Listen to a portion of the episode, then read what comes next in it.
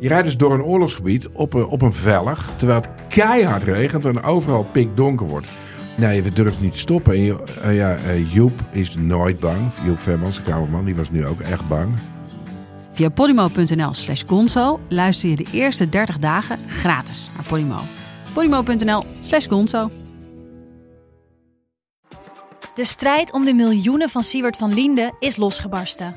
Zowel de staat als zijn stichting eisen de mondkapjeswinst terug. Maar dat die opbrengst in ieder geval niet thuis hoort bij Van Liende, daarover kan toch eigenlijk geen twijfel bestaan. Hoe kon het zo ver komen? Dit is het. We hebben beet. En als Siewert het geld teruggeeft, kunnen wij dit schandaal dan eindelijk loslaten? Je hoort het in de Mondkapjesmiljonairs, exclusief bij Podimo. Ga naar podimo.nl slash mondkapjes.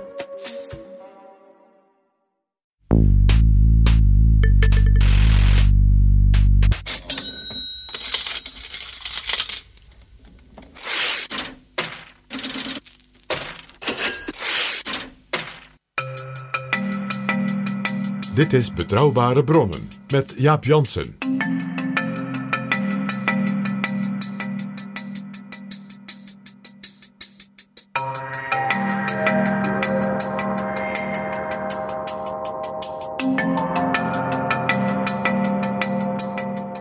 Hallo, welkom in Betrouwbare Bronnen, aflevering 103. Welkom ook PG. Dag Jaap. PG, in de vorige aflevering van Betrouwbare Bronnen had ik het met twee journalisten van het Financieel Dagblad over het grote geld. Namelijk een van de belangrijke banken van Nederland, ABN AMRO. Hoe het die bank vergaan is in de afgelopen twaalf jaar. En jij wil het vandaag hebben over een ander soort geld. Ja, in de ogen van sommige mensen wellicht ook wel het grote geld. Maar je zult uit mijn verhaal horen dat het vaak over klein bier gaat. Want we gaan het hebben over partijen en hun financiering. Over politieke partijen en hoe zij aan geld komen. En hoe dat in de historie ook zeg maar zichtbaar is. En wat voor typische, ook typisch Nederlandse dingen je daar weer uit leert kennen. En de aanleiding is een uitzending van televisieprogramma Zembla over de financiering van Forum voor Democratie, de partij van Thierry Baudet. Ja, eh, daar gingen natuurlijk al vaak verhalen over, sterke verhalen. Mede dankzij het feit dat de top van die partij in ongelofelijke ruzie uit elkaar viel. En met name de man voor de financiën en de organisatie, Henk Otten, hoewel Eerste Kamerlid, eh, tegelijkertijd ook de partij uitgezet werd. En Zembla is gaan kijken wat er waar is van de verhalen die ook de ronde deden. eh, dat uit het Kremlin, uit het regime Poetin, er geld zou gaan naar het Forum. Bleek dat Baudet contacten heeft met een meneer Kornilov, die hem hielp met allerlei ideeën die hij in zijn ideologie over de nazistaat kon, kon inpassen. En dat bleken ideeën te zijn die ook heel erg in de kringen rondom het Kremlin leven. Ja, en meneer Kornilov die had ook een soort bedrijf in Amsterdam. eh, om blijkbaar geld te sluizen naar de partijen die eh, bij het Oekraïne-referendum zeg maar, de Poetin-koers wilden steunen. Waaronder dus de club van eh, Baudet. Zeg maar, hè, waar uiteindelijk dan zijn politieke Ja, partij het gebeurde al voordat die partij er was. Dat was toen het nog een denktank was. to- toen speelde dat al. En, en, en, en Baudet heeft natuurlijk eh, een bijzondere, eh, ook zeg maar, intellectuele relatie met Alexander Dugin. Een van de grote Russisch-nationalistische eh, denkers van het Poetin-regime. En voor hem werkt in Europa natuurlijk meneer John Loveland, die hij ook wel de partijideoloog noemt. En die is zo pro-Poetin dat hij niet alleen tegen de EU is, maar ook wil dat Nederland uit de NATO stapt. Ja, Dat kwam ook aan de orde in die uitzending. en die was ook al heel actief rondom het ingrijpen van de Russen in Oekraïne en op de Krim. en MH17 en wat al niet. Kortom, dus er is een hele sfeer van zeg maar, Poetineske eh, types eh, in en rond die partij actief. De premier werd er ook naar gevraagd op zijn persconferentie. En hij wilde op vragen van Sophie van Leeuwen van BNR daarover niks zeggen. Verder nog één vraag over eh, een uitzending van Zembla gisteren. Heeft u misschien nog niet kunnen kijken? Nee. Eh, daarin, erin? Wat zegt u? Ging het over mij? Nee, het ging over de heer Baudet. Ah, En ja. hij zou volgens eh, Amerikaanse inlichtingendiensten een schakel zijn in Russische propaganda in, in Nederland. Ik vroeg me af, bent u daarvan op de hoogte? Eh, u heeft vast contact ook met de Amerikaanse inlichtingendiensten. Het zegt me allemaal helemaal niks. Nee hoor, ik ben, daar niet, ik ben met corona bezig. Even over die apps nog. Ehm, even kijken, daar wil ik nog iets over zeggen. eh, toen u bezig was. Ja, maar nog, nog even dan dus over die kwestie met de inlichtingendiensten. Als er gewaarschuwd wordt voor inmenging van het Kremlin hier, dan Ik moet ga echt niet over, over, daar hier toch- over Baudet praten. Echt geen tijd voor. Andere Nou, vraag. het, over het Kremlin, hè? Hè? Over het Kremlin. En de Ja, ook niet over Haag. Kremlin. Nee hoor, eh, echt niet. Ik heb die uitzending niet gezien. Het zegt me allemaal helemaal niks. Tot zover de pogingen van Sophie van Leeuwen van BNR om iets meer te horen van de premier over deze kwestie. Het gaat dus PG over beïnvloeding vanuit Moskou. Maar dat wil nog niet zeggen dat er sprake is van geld. Nee, want eh, dat wordt dan natuurlijk al gauw gezegd. Daar zal ook wel geld achter zitten. Daar werden ook eh, volgens Thierry Baudet grapjes over gemaakt in de interne eh, partij-apps. En Baudet deed dat ontzettend vaak, maar hij zegt het was allemaal ironisch. Heel kort stukje uit Sembla. Je hoort eerst Henk Otte, die een app voorleest. En journalist van de VARA en een veiligheidsdeskundige. En het verweer van Thierry Baudet. We gaan die Russen nog nodig hebben, verwacht ik. Ben je daarmee akkoord? We gaan die Russen nog nodig hebben, zegt hij. Dat zegt hij. Het is een hele vreemde opmerking. We gaan de Russen nog nodig hebben, verwacht ik. Waarvoor zou je ze nodig hebben? Dat de ironische context hè, voor u blijkbaar niet duidelijk is... of voor mensen die het heeft laten lezen, dat is prima, dat, dat respecteer ik. Ik kan dat ook niet bewijzen dat dat ironisch bedoeld is... want dat is nou juist de, de grap van ironie, dat je dat niet expliciet gaat zeggen... Maar eh, het past natuurlijk allemaal wel in dat halve rollenspel dat wij speelden. Dat is een bekend patroon. Zodra iets lastig is, is het ironie. En toch, de reacties in de media hinten op een soort teleurstelling. Men had er toch eigenlijk meer van verwacht, van Zembla. Toen dacht ik, ja, hoe komt dat? Nou, ten eerste misschien doordat Baudet ook qua type de, een soort verwachtingspatroon oproept van een soort uh, luxueus leven, spenderen, consumeren. Een beetje on-Nederlands soort, uh, uh, zeg maar, allure. feitelijk weten we natuurlijk dat Thierry Baudet nooit een cent te makken had. dat, ook, dat ook even de reden is, heeft hij eerlijk toegegeven waarom hij een politieke partij begon. Want dan kon je tenminste subsidie krijgen. Maar ik vond het ook een beetje naïef. Als ik heel eerlijk ben. Denk je nou echt dat je een beetje een search doet en je googelt wat en hè, Zembla zet daar wat mensen op. Dat je er dan achter komt dat er tassen vol met roebels in kleine coupures onder die pianoklep uh, liggen. Of in die plantenbakken die zoveel geld hadden gekost waar Henk Otte zo boos over was. Natuurlijk niet. Nee, en wat ik weet uit de wereld van de inlichtingendiensten. Daar zijn uh, boeken over geschreven. Dan zie je dat als zo'n dienst een agent werft. En dat maakt eigenlijk niet uit in welk land en in opdracht van welke dienst het is. Dus iemand die informatie verzamelt en doorgeeft. Ja, die krijgt dan altijd daar wel wat voor betaald. Maar dat is eigenlijk een, een mooie bijverdienste. Want het is zeg maar net genoeg om het te blijven volhouden. Om het te blijven willen doen als agent. Maar je kunt er ook weer niet heel rijk van worden. Uh, nee, want dan gaat het opvallen. En het belangrijkste is dat het niet opvalt. Nee, je moet natuurlijk ook nog wel je gewoon werk blijven doen. Want dat is juist de kracht vaak voor zo'n veiligheidsdienst om jou in te huren.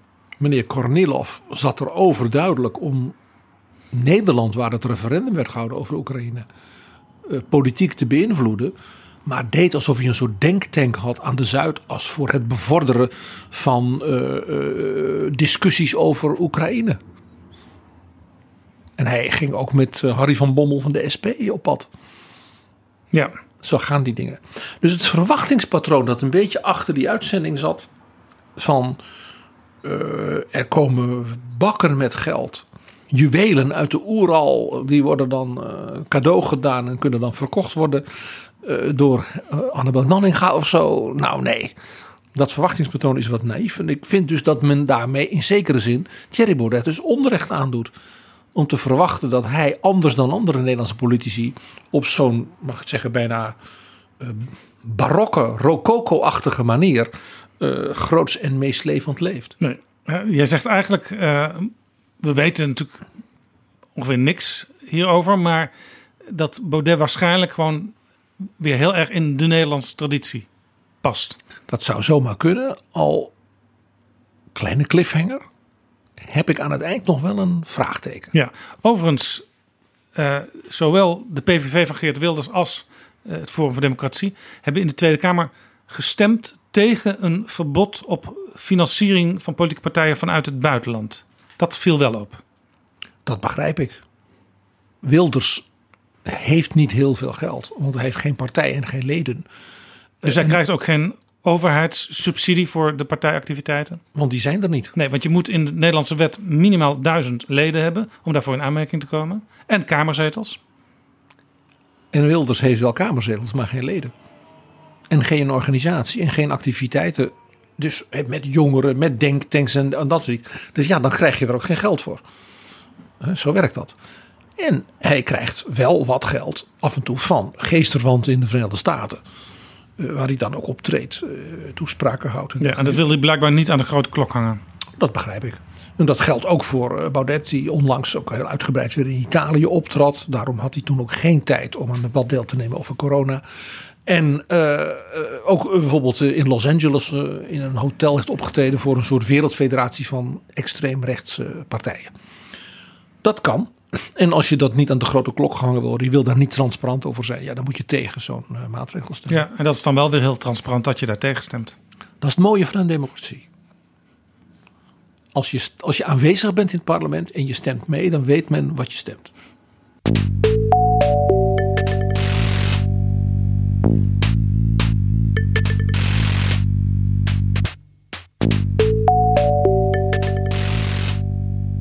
Jaap Jansen en Pieter Gerrit Kroeger duiken in de politieke geschiedenis. Toch, de Nederlandse politieke geschiedenis en de partijfinanciering als onderwerp daarin is niet alleen maar een tientje hier en een, eh, een dingetje daar. We hebben één echt, Jaap, een echte klapper van een schandaal. Eh, eh, een schandaal, laat ik zeggen, waar een Berlusconi zich niet voor geschaamd zou hebben. En niet veel Nederlanders weten dat. Het is al een tijdje geleden, hè, wanneer dat gebeurde. Ja, voor ons historici natuurlijk net gisteren. Nog niet eens honderd, het is net honderd jaar geleden, ietsje meer dan honderd jaar geleden. En ook nog met een minister-president en een partijleider van de meest, nou, kleurrijke, ook intellectueel briljante mensen die in Nederland ooit, zeg maar, zo'n rol heeft vervuld. Dus kleurrijk, eh, grandeur, wereldreiziger, dus geen man als Willem Drees. Of zo'n door en door fatsoenlijke Jong. Over wie heb je het? Over Abraham Kuyper. Abraham de Geweldige. We hebben al eens eh, bij hem stilgestaan. Ook bij het 140 jaar bestaan, zou je kunnen zeggen, van zijn partij, de anti-revolutionaire partij. Die hij toen heeft opgericht. 140 jaar geleden, nu 141 jaar geleden. En dat zegt het al. Een man die dus een partij opricht. In het hele land grote organisatie opbouwt. Leden, eh, enorme toestanden eromheen. Zeer actief. Hij had zijn eigen krant. De Standaard. Die schreef hij ongeveer vol. In ieder geval alle hoofdredactioneel commentaren. Dat heeft hij ongeveer zijn hele leven gedaan. Zelfs als minister-president bleef hij gewoon zijn Ja. krant vullen. Maar jij zegt dus, hij, Hij had zijn eigen hij universiteit. was de eerste die een, zeg maar, een moderne politieke partij oprichtte. Eh, jij vergeleek hem ook even met eh, Berlusconi. En dat is misschien wel in meerdere opzichten het geval. Want Berlusconi was natuurlijk een populist. Die zou misschien Kuiper ook wel een populist kunnen noemen in zijn tijd. Popu- hij was een populist in de zin dat hij zeg maar, van onderop eh, mensen aanmoedigde om vanuit hun eh, beginselen, zoals hij dat noemde. Hij was van de gereformeerde stroming in Nederland. Om te zeggen van je moet je stem laten horen. Eh, de marxistische historicus Jan Romein heeft hem een keer prachtig geduid, kort na zijn dood, de klokkenist der kleine luiden. Dus de man die het carillon liet bonken van gereformeerd Nederland. Dus in elk dorp hoorde je de stem van Abraham Kuyper via de gereformeerden. Dat is een indrukwekkende man. Eh, eh, en in dat opzicht inderdaad dus een populist. Dus niet iemand die vanuit de elite, hè, zoals van toen, van de, de, de, de, de gestudeerden, de liberale heren, hè, de, eh, de adel, politiek actief werd, maar van onderop. Als jong predikant met lang haar. Als je de, jonge, de foto's van de jonge Abraham Kuyper ziet, dan zie je een dandy. Eh, hij leek zelfs een beetje op Oscar Wilde qua, qua fysiek in zijn jonge jaren. En dat dandy-achtige had hij ook wel. En je zou ook kunnen zeggen dat hij een niche zag, een gat in het politieke landschap, waarvan hij dacht: hier kan ik wel, dit gat kan ik wel vullen met een nieuwe partij. En met dus de komst in die tijd van wat wij nu de massademocratie noemen. Dat dus bijna iedere Nederlander kon lezen en schrijven. Dat men kranten ging lezen. Dat er bladen gevuld werden met discussies. Met studenten, met hoogleraren, met journalisten. En hij was zelf zo iemand. Hij was natuurlijk zelf een hoogleraar, een studentenleider. Hij was predikant, dus hij sprak met mensen. Hij was zeer overtuigend. Was journalist ook zelf, een veelschrijver. Zijn verzameld werk, dat is een kast vol. Dus hij was een man van de nieuwe tijd. De eerste moderne politicus. En nu het geld. Welke rol speelde het geld in zijn politieke leven? Ja, natuurlijk permanent, want hij had niks. Een partij van kleine luiden. Dus die universiteit van hem, de Vrije Universiteit, die werd gefinancierd door het fameuze VU-busje. Waar je dubbeltjes en kwartjes in stopte. Centen. En stuivers. Meer hadden de mensen niet. En dat stond dus op de, nou, op de schoorsteen van gereformeerd Nederland. Het VU-busje met daarop het portret van Abraham Kuyper. Dat was ook heel persoonlijk. En daar deed men dus elke week een stuiver of als er een keer een cent en dan viel het mee een dubbeltje erin. En zo werd door al die stuivers en dubbeltjes de universiteit gefinancierd. Wat geld van de overheid? Nee. En zo ook zijn kranten, zo ook zijn politieke partij. Dus hij was een man die voortdurend voor zijn nieuwe ondernemingen, hè, vandaar dat hij zich Berlusconiaans, geld zocht. En natuurlijk, hij had mecenassen. Er waren rijke Nederlanders, eh, ook uit ondernemers, maar ook uit de adel. De betere kringen, zoals het heette. Die bijvoorbeeld vanuit het geloof zeiden: wij, onder, wij steunen dominee Kuiper. Ja. Dus hij zocht altijd weer support. Ja, dit klinkt allemaal nog heel netjes, hè? Centen, stuivers. En mecenassen. En campagnes. Wij zouden nu zeggen liefdadigheids uh, voor christelijke scholen, voor vul maar in. Hij was dus een enorme doener, een organisator ook. En een, en een, ja, een, een volksmenner in de, de goede betekenis van het woord. Maar ja, je hoort het al. Hij werd minister-president. Bleef dat een lange tijd. En toen kwamen de verkiezingen van 1909. En toen hadden we premier Heemskerk. Dat was een geesterwand van hem, eigenlijk een leerling van Kuiper. En die won de verkiezingen, tot grote vreugde natuurlijk van Kuiper. En in die verkiezingen kwam iets naar buiten. Kwam naar buiten dat tijdens het premierschap van Kuiper een hele rijke uh, entrepreneur in Amsterdam, de heer Rudolf Leeman, een hoge koninklijke onderscheiding had gekregen. En een jaar daarna had hij het bedrag van 11.000 gulden, dat zou nu 125.000 euro zijn. Heel groot bedrag. Gestort in de partijkas van Abraham Kuyper. Dus ter voorbereiding van de daarop aanstaande verkiezingen. Hij had het lintje al gekregen. Ja. En een jaar daarna stortte hij dat bedrag wat je nu met 125.000 euro zou kunnen vergelijken. Ja. Maar er was nog wat. Hij had dat niet zomaar gekregen. Er was een dame die in Amsterdam bekend was onder de elitaire heren. En die daar blijkbaar populair was. Uh, en die had zich bij Kuiper gemeld. En Kuiper kende haar ook. En die had gezegd: zou die Leeman niet iets moeten krijgen zo langzamerhand? Want die man had zoveel goeds voor Nederland gedaan. En hij was consul-generaal van Griekenland. En was daardoor al door allerlei andere buitenlandse vorsten ook al onderscheiden. Dus Nederland kon eigenlijk niet achter blijven, suggereerde Mathilde Westmeijer. Ja, en uh, ja, zegt Kuiper. Mevrouw, ja, dat gaat niet zomaar. Zij begreep het. Dus zij zorgde dat meneer Leeman zich meldde bij de heer Kuiper. Maar had de man om zijn zakelijke uh, activiteiten niet alleen maar een goede naam.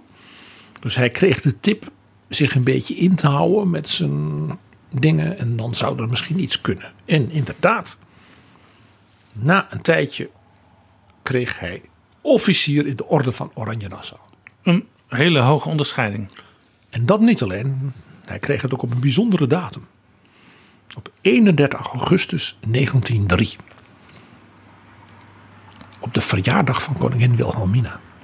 31 augustus. Dus dat was ook nog een hele, zeg maar, prestigieuze datum. Ja, het is ook de dag waarop Betrouwbare Bronnen ooit begonnen is. Dat had niks met Abraham Kuyper of met koningin Wilhelmina van doen. Al zijn ze alle twee al uitgebreid aan orde geweest en is Wilhelmina zelfs te horen geweest in Betrouwbare Ja, Bronnen. dus eh, er zit wel een soort van verwantschap. Ja. Zembla zou er een aflevering aan kunnen wijden, aan die overeenkomsten. Je zou er bijna iets achter zoeken. Misschien dat Dirk-Jan Epping vragen kan stellen. Maar goed, hij kreeg die ridderorde dus, die, die, die- dat officierschap. En iemand anders kreeg ook iets. Mathilde Westmeijer kreeg vanaf dat moment elke week 25 gulden van meneer Leeman. En nog even, die Mathilde Westmeijer was een soort society dame, zou je kunnen Ja, zeggen. ja. Ja. In die tijd, dat is natuurlijk anders dan nu. Een dame die in de betere kringen met allemaal heren bevriend was en die ze ook ontving, dat was toch anders dan nu. Dus Mathilde Westmeijer hield er ook iets aan over. En blijkbaar was dat niet ongewoon. Nou, 25 gulden in de week Is was op jaarbasis. 100 gulden in de maand. Is dus 1200 gulden per jaar. Dat was in die tijd een inkomen waar de gewone man niet aan toe kwam. Een vorstelijk bedrag zou je ook in het kader van het lintje kunnen zeggen. Ja. Dat is mooi bemiddelingsgeld. Ja. Eh, het smaakte naar meer. Dus premier Kuiper kreeg niet lang daarna een andere introducee van mevrouw Westmeijer. De heer E.A. Leeman. Een 27-jarige tabakshandelaar in Amsterdam. Familie van? Sterker nog, de jonge broer van Rudolf Leeman. Eh, Kon die niet ook een lintje krijgen? Je begrijpt, dit begon op een zeker patroon te lijken. Nou, de minister die erover ging, die van handel, die dus lintjes als het ware voordroeg voor mensen uit hè, het bedrijfsleven. Dat was de Mares Ooyens, de minister van Handel, Waterstaat en Nijverheid. Ja, die kreeg een tip van Kuiper. Kijk eens even. Ontstond enige misverstanden, maar uiteindelijk zei de minister: Nou, nee, nee, nee. Eh, u weet dat misschien niet, premier, maar meneer Leeman is wel heel jong, 27. Eh, en nou ja, die heeft eigenlijk nog niks gedaan behalve geld verdienen. Dus dan maar niet. Dus de premier meldt mevrouw Westmeijer helaas. De heer Leeman eh, junior, zullen we zeggen, aanmerking. komt niet op de lijst. Het is natuurlijk interessant dat de minister-president het de moeite waard vindt om een mevrouw in Amsterdam eh, dat te melden. In een brief.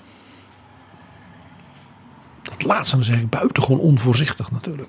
Ja, dus je, je moet, als het even kan, zo min mogelijk op papier zetten. Want dat kan altijd eh, later uitkomen.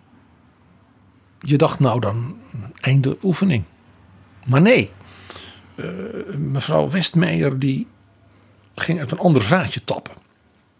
Nog in datzelfde jaar 1904 vertelde zij in een tranenvolle brief dat er praatjes gingen in Haarlem, waar zij blijkbaar ook woonde, over eh, haar vriendschap met eh, Kuiper. En dat haar eerbaarheid in het geding was. En eh, ze was misschien onvoorzichtig geweest in dingen die ze tegen mensen had gezegd. Maar ze had toch zo haar best gedaan voor de ARP. Hint die 11.000 gulden, bijna anderhalve ton van Ja. meneer Leeman. Eh, En die Leemans die had ze toch met de beste bedoelingen onder de aandacht gebracht. Enzovoort, enzovoort, enzovoort. Kuiper die liet zich verleiden, laat ik het nou zo zeggen, om een suggestie te doen voor de jonge heer Leeman. Die zei: Kijk, er zijn een aantal dingen waar de regering geen geld voor heeft, maar die zo mooi zou zijn als er aandacht voor was. Zo was er een ziekenhuis van Nederlandse artsen en zo in het Turkse Smyrna. Dan denk je, waarom Smyrna? Nou, Smyrna was een belangrijke uh, uh, christelijke stad aan de westkust van Turkije. Heel veel, toen nog heel Grieks.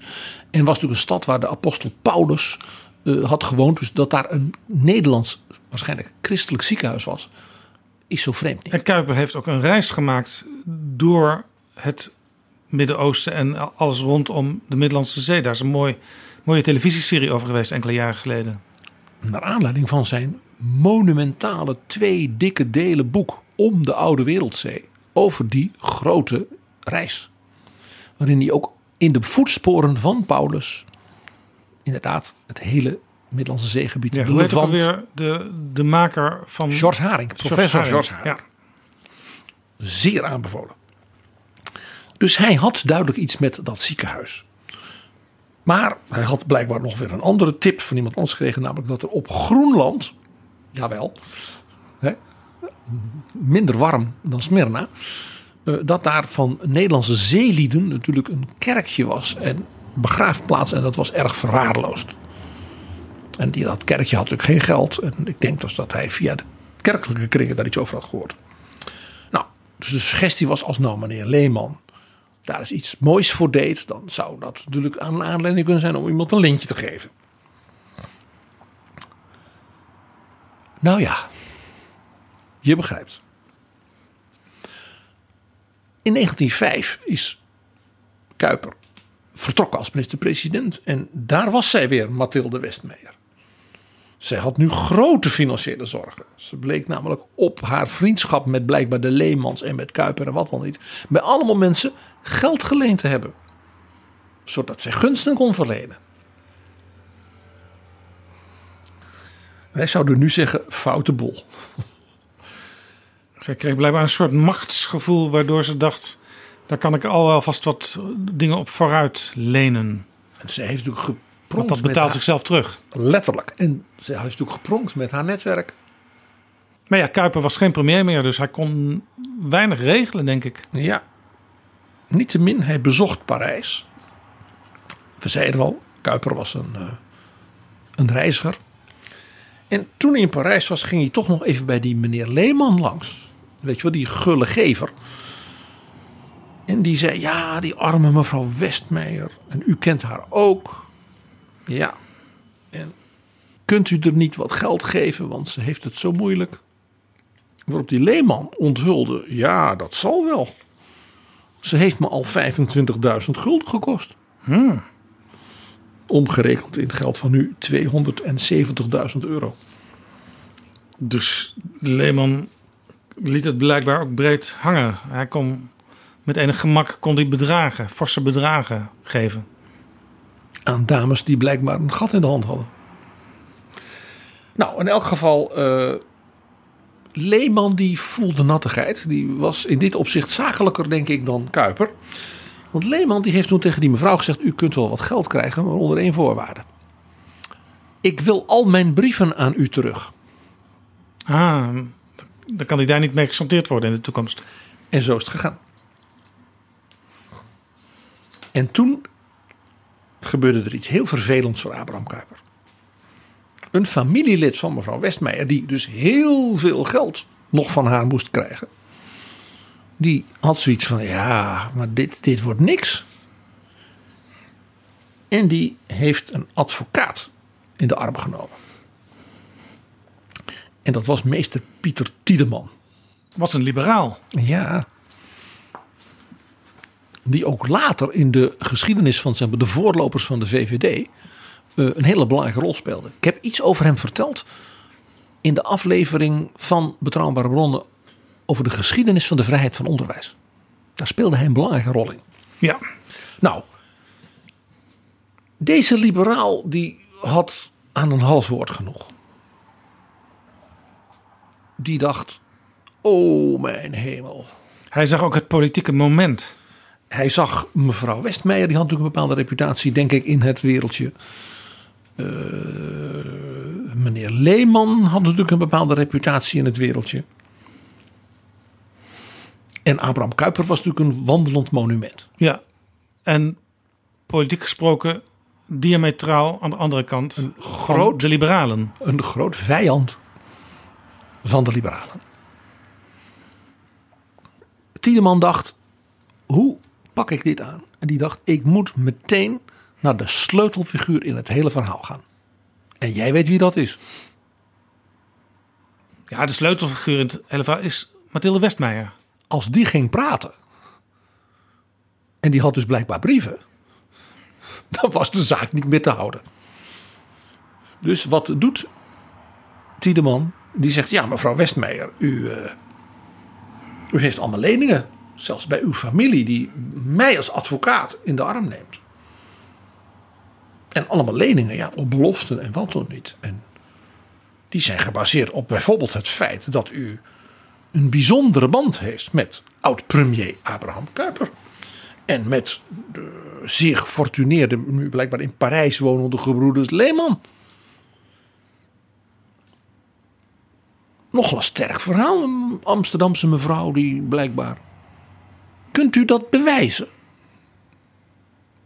Dus hij heeft haar gepresseerd stukken te laten zien. En je begrijpt het al, daar kwamen de brieven.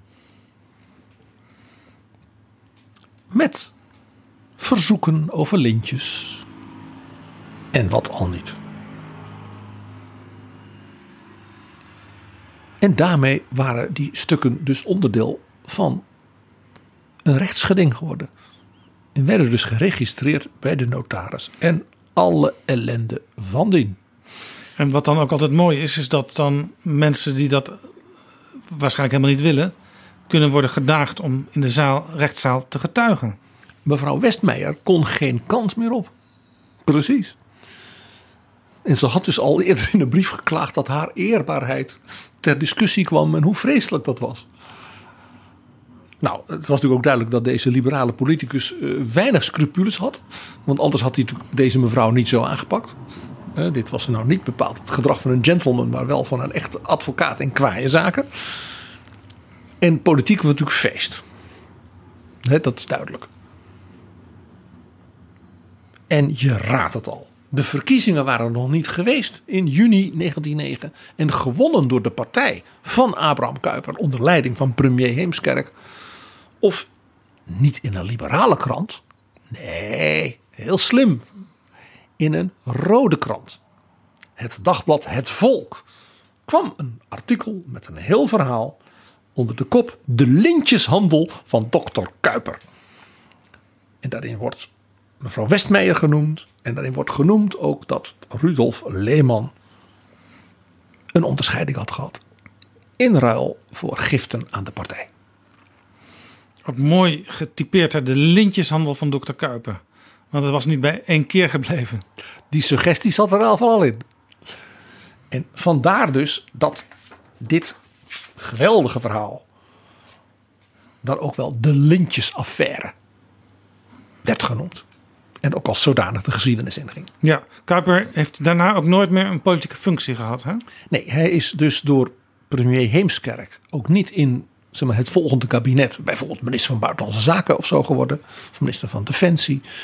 En is eigenlijk daarna politiek dus een beetje ja, uh, met pensioen gestuurd, ook door zijn eigen partij.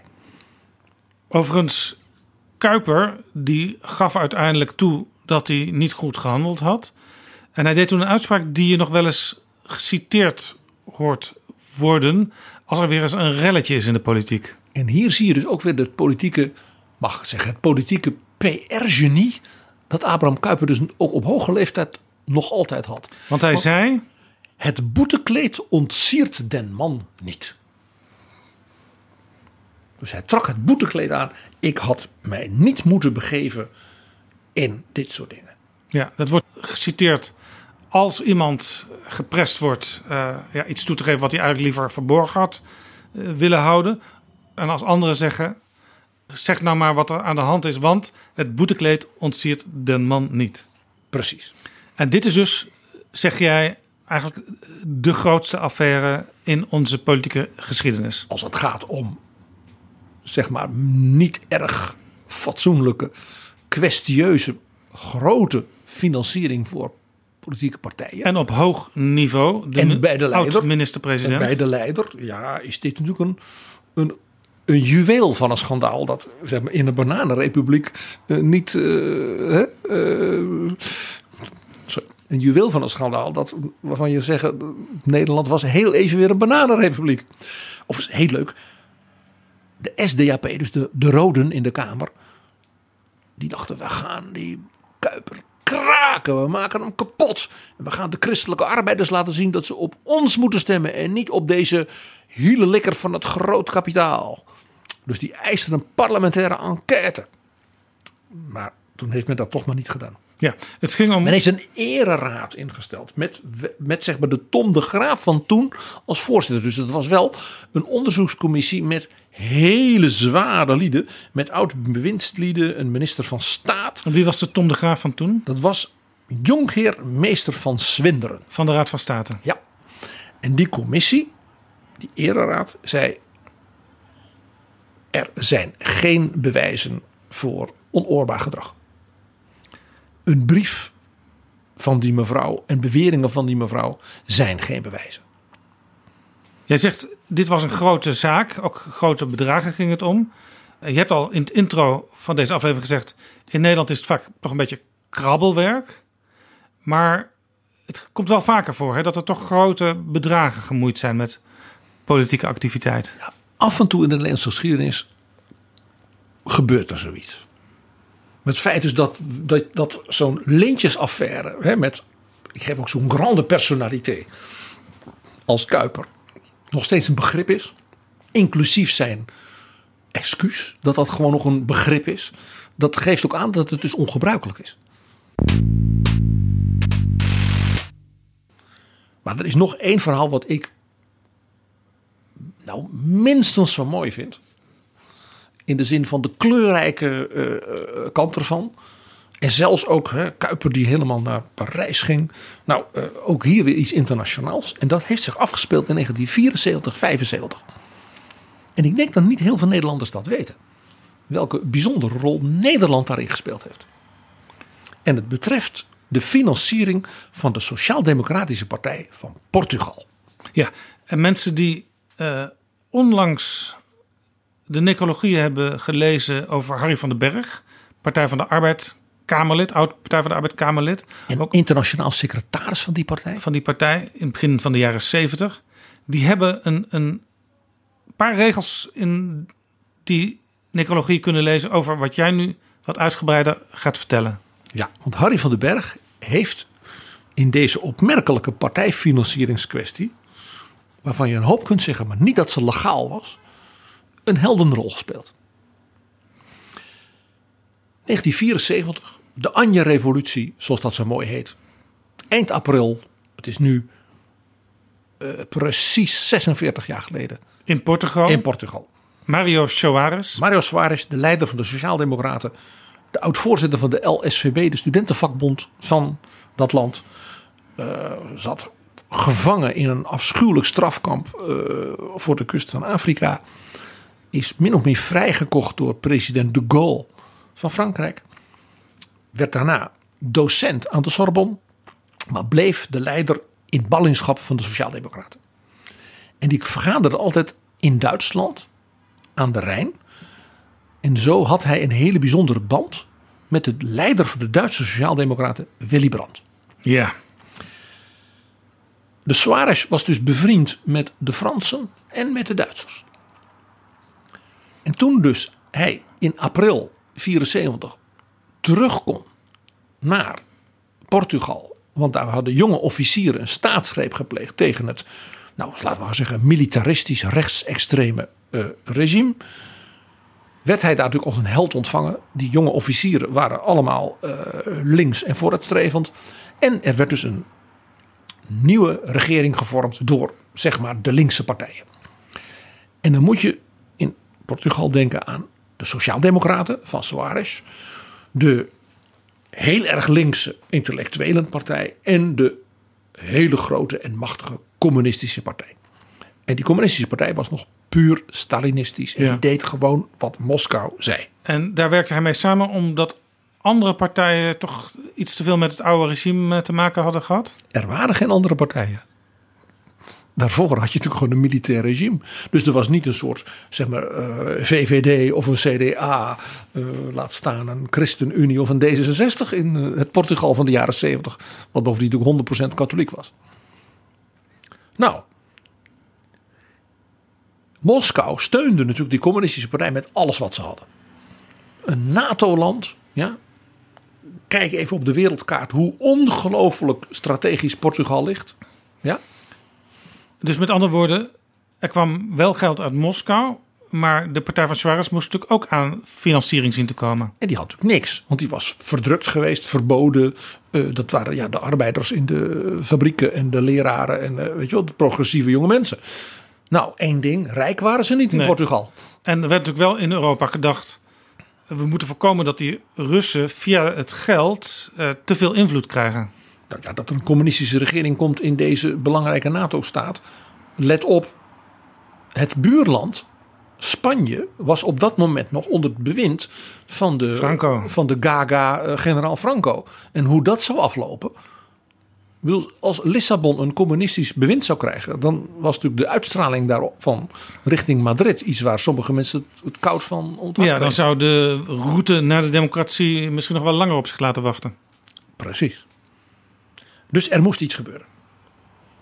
Dus de Amerikaanse president Nixon en zijn strateeg Henry Kissinger, die zeiden: wij moeten iets doen om de democratie te redden in Portugal.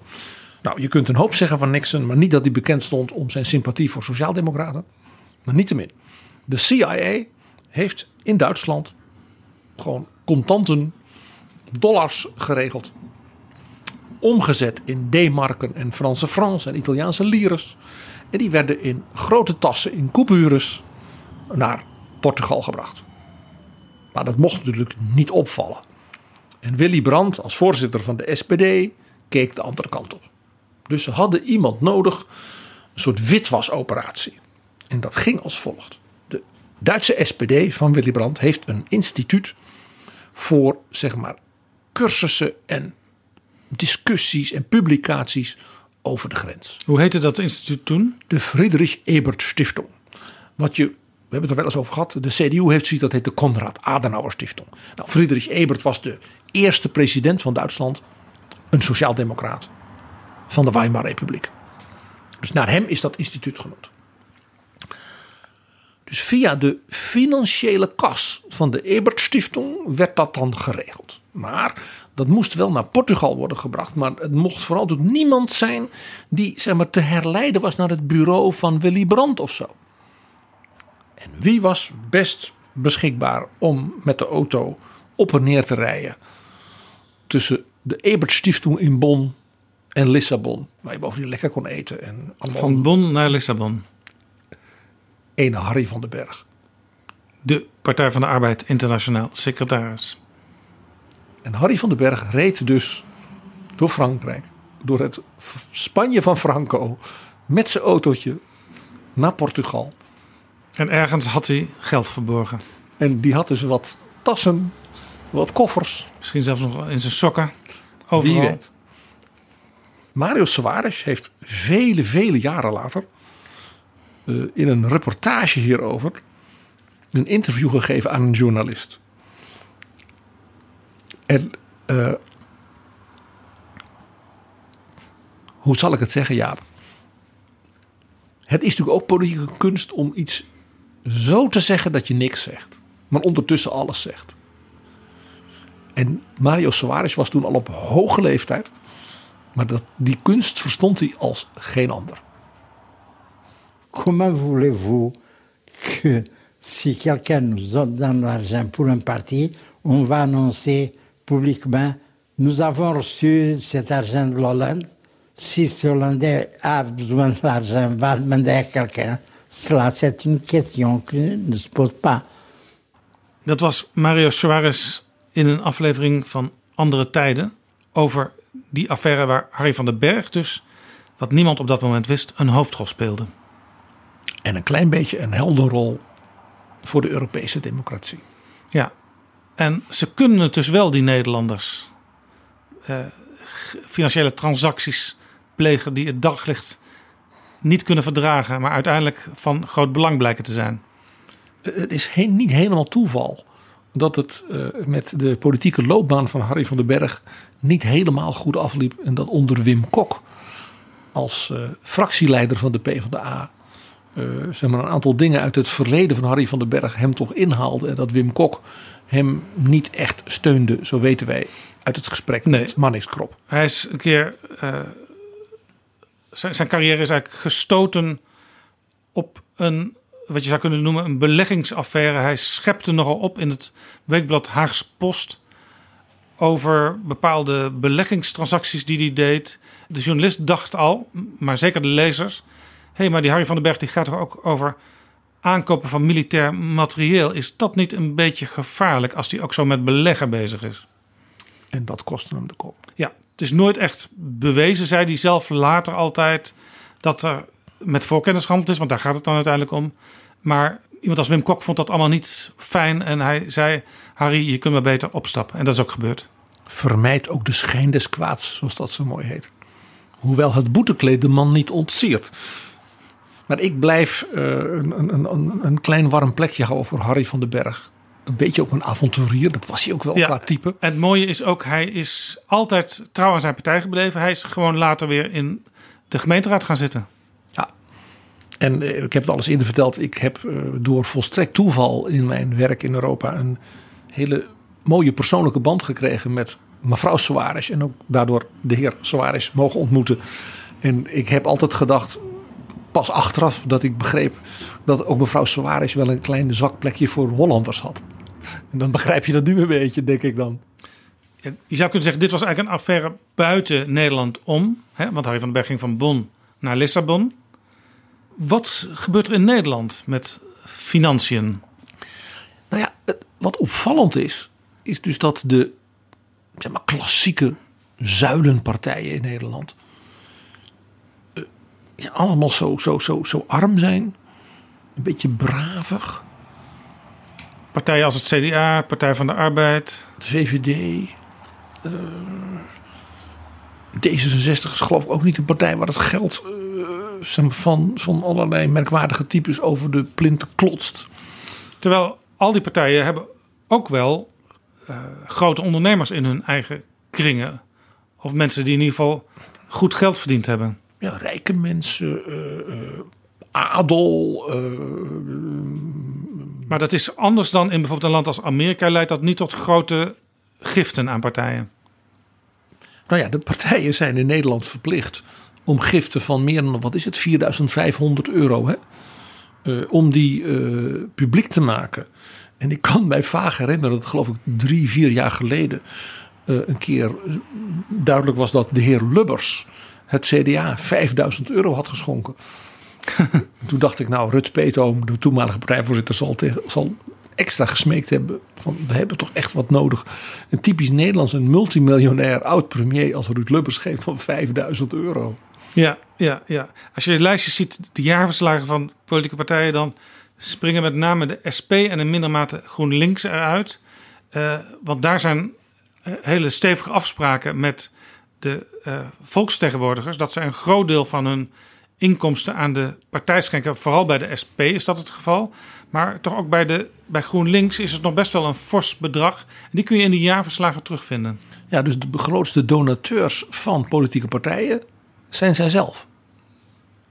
Dat, is, dat, ja, dat zegt iets over eh, hoe je dus naar geld kijkt. Ja, ja een, een Kamerlid krijgt natuurlijk betaald eh, vanuit Binnenlandse Zaken. Dat is in de wet zo geregeld. En ze storten dus een deel door naar hun eigen partij. Maar dat zegt iets dat dat zeg maar, je belangrijkste donateurs zijn. Hè, dus niet eh, een- een miljonair die wij spreken alles een keer voor jouw partij in een commissie heeft gezeten of meegedacht. Ja, of iemand die bijvoorbeeld een legaat nalaat na zijn dood uit dankbaarheid aan die politieke stroming. En zo- ook uit, uit- als aanmoediging voor de toekomst. Dat zou toch een uitstekend idee zijn. Maar het is heel, blijkbaar heel Nederlands. We vinden zoiets. Ja, dat. Ik heb een beetje het idee van het not done. Totdat je dan partijen krijgt die als het ware. een beetje Berlusconiaans. Dus misschien ook wel een beetje Kuiperiaans dus. Die vanuit de. Ja, de buitenkant van de samenleving. zeggen van. Ik wil ook. Ja, die dus zeg maar niet uit de zuilentraditie komen. Ja. Prachtig voorbeeld. De LPF. De lijst Pim Fortuyn, die een partij werd zonder Pim Fortuyn en ineens 26 kamerzetels had. Maar die werd opgericht door Pim Fortuyn. Nadat hij door Jan Nagel, die we natuurlijk deze dagen weer volop tegenkomen in de ruzies van 50 plus. Met ruzie uit de door Jan Nagel zelf opgerichte partij Leefbaar Nederland was geschopt. Nadat Jan Nagel hem eerst overigens lijsttrekker van diezelfde partij had gemaakt. Ja. Dus Fortuyn die letterlijk alles kwijt was. Eh, partij, organisatie, naam, eh, eh, lijsttrekkerschap, leiderschap, reputatie. Begon voor zichzelf. Hij had alleen nog maar zijn Daimler en zijn Butler over. En de hondjes. En Harry Mens. En vanuit de vastgoedwereld, de naam Harry Mens viel al even, heeft toen een aantal lieden gezegd van wij leggen even flink wat geld op tafel. En Pim, dan ga je gewoon voor jezelf beginnen. En dan maak je een mooie lijst. En wij, wij helpen wel met het aanzoeken van kandidaat Kamerleden. Ze hadden nog een week of twee, drie daarvoor. En jij wint gewoon de verkiezingen. En dat is voor ons ook altijd goed. Ja, en dat waren onder andere Ed Maas en de heer Dost en Langerdam. Ja, de heren Dost en Langerdam die werden zelfs een soort partijvoorzitters. Eh, na de dood van eh Fortuyn heeft Maas min of meer zichzelf aangeboden dat hij zoals het ware zou overnemen als een soort failliete boedel. En hij zou de zaak dan ook wel betalen. Nou, dat leidde weer tot groot gedoe, want iemand die een partij min of meer koopt, eh, dat gaat wel heel ver. Ja, details daarover kun je lezen in het boek van Joost Vullings, De Kinderen van Pim. En deze vastgoedmensen die dus eigenlijk ook het bestuur van die partij waren op een bepaald moment. Daar is een hele mooie foto van ooit verschenen in de Volkskrant, ik denk op de voorpagina. En daar zie je op het plein in Den Haag, tegenover het Tweede Kamergebouw, zie je die mensen zitten met elkaar confererend. Met eh, volgens mij ook zelfs grote sigaren erbij. En zo echt een beetje zo'n foto die je zelf zou kunnen eh, fantaseren, maar dit was werkelijkheid. En die hadden in dat verhaaltje wat erbij stond ook eh, zo'n beetje pochend verhaal van wij gaan het in dit land allemaal eens heel anders regelen. Nu gaan eens een paar zakenlieden hè, eens even dit land opschudden. Mensen die er echt verstand van hebben. Precies. Zelf heb ik altijd de beelden voor mij van de heer Langedam. Want zoals altijd bij dit soort partijen, ze vallen meteen door ruzie uit elkaar. En toen Pim Fortuyn was vermoord, begin mei 2002, toen was er natuurlijk een uitvaart in Rotterdam. En daarna zou Fortuyn werd begraven in Driehuis, begraafplaats Westerveld. En de lijkkist van Fortuyn reed over de snelwegen. En de bewonderaars van Pim stonden langs de wegen en op de bruggen. Maar er was één iemand en die mocht niet mee om Pim te begraven. En dat was de heer Langedam. Want die had alweer ruzie met die andere vastgoedjongens. Terwijl hij toch in zijn kantoor dat gratis aan Pim had gegeven om zijn partij op te bouwen. Dus de overwinning was eigenlijk zijn ding. En de heer Langedam die werd toen geïnterviewd voor zijn kantoor. En toen ging in de auto zitten, want hij reed dan achter de rouwstoet aan. En zou dan, als alles weg was, een door hem speciaal in duizenden exemplaren gemaakt, want er viel geld aan te verdienen, speciale Pim Fortuyn das. Eén daarvan zou hij dan in het open gat op de kist gooien. En toen barstte hij in tranen uit. Onvergetelijke beelden. Maar de suggestie was toen heel erg. Vastgoedjongens die tonnen beschikbaar stellen voor zo'n partijcampagne. Ja, dat kan blijkbaar. Ja. Eh, zo'n nieuwe partij heeft wat dat betreft letterlijk natuurlijk geen regels nog. Nee, en ze hebben ook niet een enorm vrijwilligersleger in het land wat de posters gaat opplakken en de bijeenkomsten in het land gaat organiseren. En al die saaie dingen doet. Waar een democratie toch van bestaat. Zoals bijvoorbeeld het simpele inschrijven bij de kiesraad op allerlei niveaus. Eh, ja, als je daar geen mensen voor hebt, dan kun je ze inhuren. Ook een heel interessant puntje tussen de politiek van vandaag en toen. Eh, een van de supportersgroepen van Fortuyn, waarvan hij ook zei: Oh, nou, maar dan ga ik wel het voor jullie opnemen. Dat waren de Nertsenfokkers. Dat is een hele grote en best belangrijk onderdeel van zeg maar, de Nederlandse veeteelt. Eh, en die, ja, die staat in een niet zo goed daglicht bij dierenbeschermers en dergelijke. En Fortuyn die zei van, nou, maar er is toch niks tegen een mooie nerts om aan te doen op weg naar de opera. Dus hij zou het voor hen opnemen. Dus ook uit die hoek kreeg Pim Fortuyn heel veel steun.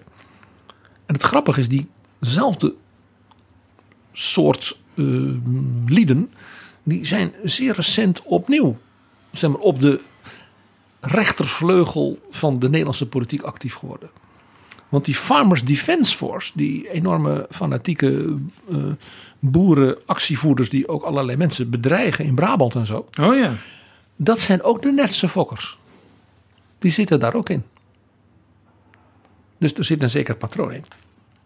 Blijkbaar hebben zij ook een hang naar eh, zich bemoeien met de politiek en daar ook nog wat geld aan willen besteden. Opvallend. Dat vastgoed gebeuren en grote namen daaruit. ehm, die als het ware nieuwe politieke partijen een kans willen geven. en daar ook hun belangen door willen laten behartigen. Dat is echt niet iets alleen maar van, ik zal maar zeggen, Rotterdamse lieden eh, en Fortuin. Zowel Rita Verdonk met haar trots op Nederland. als 50 plus van Jan Nagel en Henk Krol. Ik zeg de volgorde niet voor niks zo. eh, hebben duidelijk steun vanuit de vastgoedwereld, maar dan weer meer in Den Haag. Ja, Chris Tunissen. Ja, dat is een hele grote man. eh, Van Metterwoon Vastgoed, die ook vaak ook eh, als sponsor gemeld wordt bij de programma's op televisie van Harry Mens. ah, dus dat zijn collega's, eh, vrienden uit het vak. Eh, nou, dat zijn ook hele aardige bedragen waar, waarmee Tunissen rondstrooit.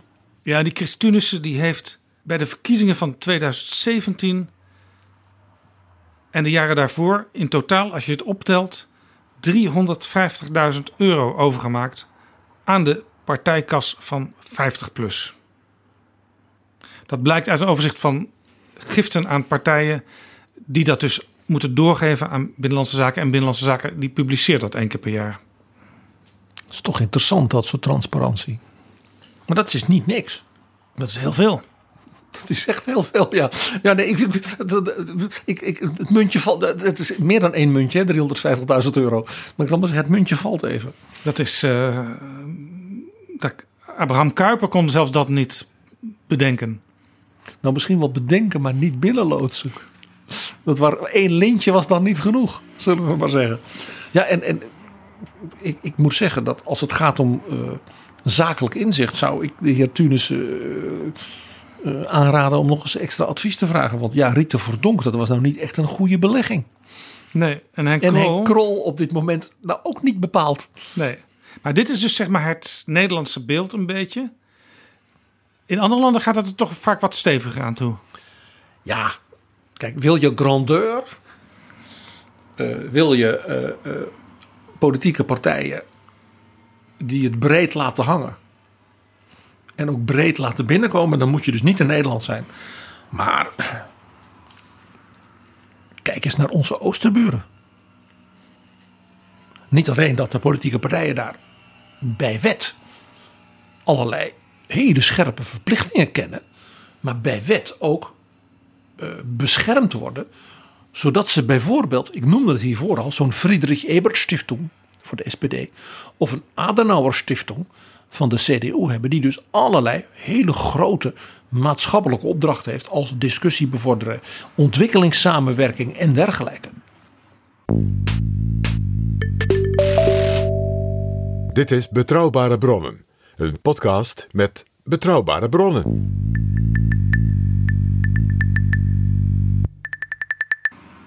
Onze Duitse buren hebben dus, en dat komt natuurlijk door hun grondwet, die min of meer gedicteerd is door de geallieerden in 1949,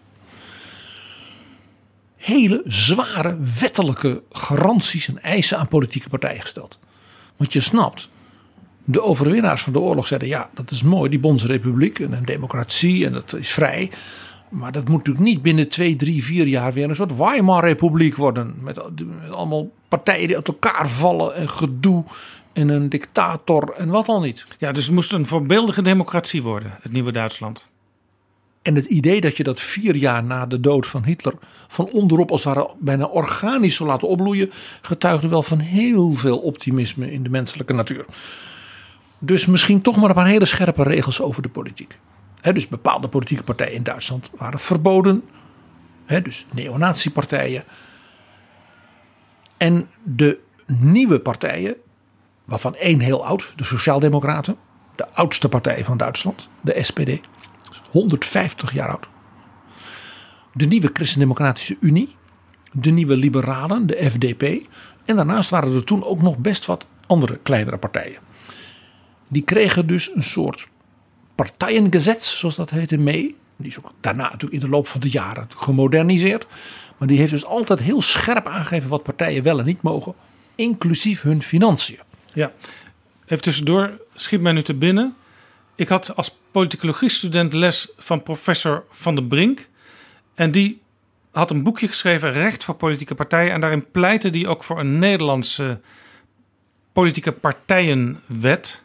Zoals de Duitsers. Ja. Nou. En dat was precies, was dat ook zijn voorbeeldje. Als je het regelt, dan moet je het ook goed regelen. Nou, dat hebben, dus, hebben ze dus gedaan, de Duitsers. Uh, wat overigens het niet wegnam, dat er in Duitsland echt uh, uh, monumentale partijenfinancieringsschandalen geweest zijn. Want ja, de menselijke natuur, hè, die trekt zich niet altijd van ja, ik herinner me vandaan. een affaire notabene rond Bundeskanzler Kohl. Helmoet Kohl. Nou die wij of. vaak lovend hebben besproken in Betrouwbare Bronnen. Groot man. De kansler der eenheid. Maar toch ook dit. Maar uh, had ook zo zijn uh, mindere kanten, zullen we maar zeggen. Uh, hij was in 98 abgeweeld. Hij verloor de verkiezingen tegen de jonge dynamische Gerhard Schreuder. He, toen kreeg je die rood-groene coalitie, Schreuder-Fischer. En in het jaar daarna barstte naar buiten dat Helmut Kohl miljoenen D-mark had binnengehaald om de CDU de verkiezingscampagnes van de CDU, met name in Oost-Duitsland, te helpen financieren. En dat, ja, dat niemand dat wist, althans dat kwam naar buiten en er bleken allemaal illegale giften. En toen heeft Kool gezegd: Dat klopt, ik geef dat toe. Het boetekleed ontsiert de man niet, zou je bijna Kuiperiaans denken. Maar, zei hij, ik ga nooit vertellen hoe ik aan dat geld kom. En zegt ze, ja, maar u was partijvoorzitter, u uh, uh, was kanselier, u hoort, u bent dat moreel verplicht. Hij, nee, want ik heb dit geld gekregen van patriotische Duitsers, rijke mensen, die vanwege de Wiedervereinigung zeiden, wij willen iets doen om die democratie daar in dat oosten te helpen. En wij willen de CDU helpen, zodat daar niet uh, de communisten aan het bewind blijven. En die hebben mij geld gegeven. En het waren zes hele rijke mensen, allemaal een miljoen. Maar dat is niet de geest van dat partijgezet waar je het net over had. Dat gaf Kool ook ruiterlijk toe. Slim. Maar zij, dat geld kon nu helemaal niet uit die DDR komen, want die mensen hadden niks. Dus deze rijke Duitsers hebben dat gedaan voor het vaderland en voor de democratie. Hij schetst een soort overmachtbeeld. Ja. We konden niet anders. Ik kon op geen andere manier aan dat geld komen. En die mensen waren ertoe bereid. En die wisten ook zelf dat dat eigenlijk niet mocht. En hij had hen het erewoord gegeven. Ik heb mijn erewoord gegeven. En dat neem ik mee in mijn graf. Juist. Ik zal die namen nooit zeggen. Ook niet als ik voor de rechter kom. Daarmee daagde Kool natuurlijk zijn tegenstanders en het OM uit om hem voor de rechter te slepen. En iets slechters kun je natuurlijk als politieke partij, de CDU, niet hebben. Nee, dus de CDU was dodelijk getroffen hier door politiek. Dus de indruk van corruptie rondom de Wiedervereinigung. De nieuwe partijvoorzitter Wolfgang Schäuble en zijn secretaris-generaal Angela Merkel stonden dus, ja, nou ja, alsof ze een emmer stront over zich heen hadden gehad. Ja, juist in, in, op zo'n moment dat je het land in feite opnieuw inricht. Na de, de, de samengaan met de voormalige DDR. En jij zo verschrikkelijk de verkiezingen verloren hebt. Dat voor het eerst in ik weet niet hoe lang. Er een links, het meest linkse kabinet ooit in de Duitse geschiedenis kwam. Met die jonge kerels. Hè, dus die, die hadden, zij waren de nieuwe tijd. Niet die oude CDU. En die Merkel met het bloempot haar. Ach, ah, ah, ja. Dus die stonden daar. Het was een ramp. En Kool in alle media. En hij was niet te stuiten. En de CDU-leiding had zoiets van: hou je mond. Vertel nou even gewoon aan een notaris die zes namen. En dan houdt hij dat misschien wel geheim. Maar doe. Maar Kool was niet te stuiten. Hij is uiteindelijk veroordeeld.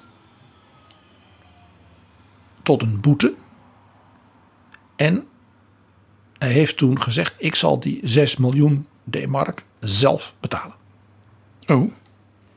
Want dan hoef ik die namen niet bekend te maken. Dat heeft hij ook gedaan. Blijkbaar had hij nog ergens 6 miljoen liggen. Dat is, eh, een groot deel van de opbrengst van zijn memoires is daaraan opgegaan. Was dat trouwens zo dat. eh, want eh, Wolfgang Schä- Schäuble heeft wel eens vraagtekens daarbij gezet. Hè, dat er een stuk of zes rijke mensen het geld hadden gegeven. Wolfgang Schäuble heeft nooit geloofd dat die zes mensen bestonden. En Schäuble, een typische strakke protestant uit Baden-Württemberg, een Schwabe, die zei: Stel dat er nou zes Duitsers waren die zo rijk waren dat ze de kanselier een miljoen geven. Iedere journalist in Duitsland, van Der Spiegel, Die Zeit, ja, de, weet dan wie dat zijn. Ja, en mensen praten. Wij spreken op de golfclub. Heb je het er misschien over? Hij zegt, ik zou ze ook zo kunnen noemen. Mensen die Helmoet Kool zijn hele leven hebben gesteund. Leo Kirch, de, maar de baas van eh, de, de Duitse commerciële televisie. Ja. Die Helmoet Kool altijd steunde. Hij zegt, voor hem was een miljoen helemaal niks. Ja? Eh, Waar kwam het geld dan vandaan? Wat, wat, wat is het idee? Schäuble heeft altijd gezegd, die zes mensen bestaan helemaal niet. Nee, maar waar kwam het vandaan? Waar zou het vandaan gekomen zijn? Dit was een zwarte kas van illegale inkomsten uit de jaren 70, zoiets. Die moest worden opgeheven door het aanscheppen van de bankwetten in Zwitserland of iets dergelijks. En Helmoet Kool heeft dit verhaal eromheen bedacht. En het in feite dat geld op die, manier witgewassen door het uit te geven in die campagne. En Schäuble heeft dus Helmoet Kool nooit vergeven, min of meer, hè, dat hij op die manier natuurlijk Schäuble als zijn opvolger, als partijleider en CDU-voorzitter natuurlijk politiek vermoord heeft. Ja. In diezelfde tijd speelde ook nog een andere zaak die met Duitsland te maken had, maar ook met Frankrijk. Ja, ik zei al, er zijn landen waar de politieke financiering van partijen met het grote gebaar gebeurt. En ja, dan denk je natuurlijk aan Frankrijk. En dan denk je zeker natuurlijk ook aan François Mitterrand. Ja. Politiek voor het grote gebaar. De stille kracht. La force tranquille. Ja, de liefdesbrieven aan Anne ook groot iemand, eh, een geslepen vos, Buitengewoon. die zijn concurrenten en zelfs zijn directe collega's liet afluisteren. Zeker. En ook wel met geld wegwist. Ook dat. Zijn zoon die door Afrika reisde. En de Franse, eh, van Frankrijk afhankelijke eh, leiders in Afrika de instructies van zijn vader gaf. Zijn bijnaam was dan ook Papa Madi. Papa heeft het mij gezegd. Ja. Nou, Mitterrand had een gesprek met Kool. En dat ging over dat natuurlijk die DDR-industrie. Dus de vraag was: welke van die staatsbedrijven van de DDR kun je als het ware moderniseren, privatiseren, zodat ze op ja, West-Europese leest geschoeid verder zouden kunnen? En welke bedrijven niet? Zou je moeten afwikkelen? Uh, hoe maak je de ziekenhuizen van een staatsziekenhuis, een modern ziekenhuis, via de zorgverzekering enzovoort? Een compleet land in feite economisch en politiek herzien. Een reusachtige klus. En die privatisering ging heel moeilijk. Want ja, wie koopt er een staatsbedrijf van een communistisch land waar zeg maar, de, de, het bureau van de directie en van de leiding van onder het boven vol afluisterapparatuur zit. Want over dat soort dingen heb je het. En waar het ook heel moeilijk te doorgronden is wat de werkelijke intrinsieke waarde van dat bedrijf is. En waarvan één ding duidelijk is dat je driekwart van de werknemers op dag één meteen moet ontslaan. Want het is zo inefficiënt en allemaal partijdingen. En, uh, dus het begint ellende en het eindigt ellende. Kortom, probleem. Probleem. Voor Helmut Kool, die had beloofd: wij gaan dat privatiseren en dan komt het goed. En Mitterrand had een idee. Mitterrand die zei: kan ik wat doen? Kan ik je helpen, Helmut, zodat we een soort vliegende start? Nou, zei Helmut Kool zou de Franse staat met zijn staatsoliebedrijf niet het staatsoliebedrijf, dus het hele energiebedrijf, van de DDR kunnen kopen. Befaamde naam Minol, dus mineraal. Ja. En het mooie daarvan is, dan koop je dus alle autosnelwegen, de tankstations overal, die zijn dan van Frankrijk en van het Franse staatsbedrijf. Ja, klinkt niet slecht als investering. Dus Mitterrand zei, nou ja, ik ben de president, ik ga daarover.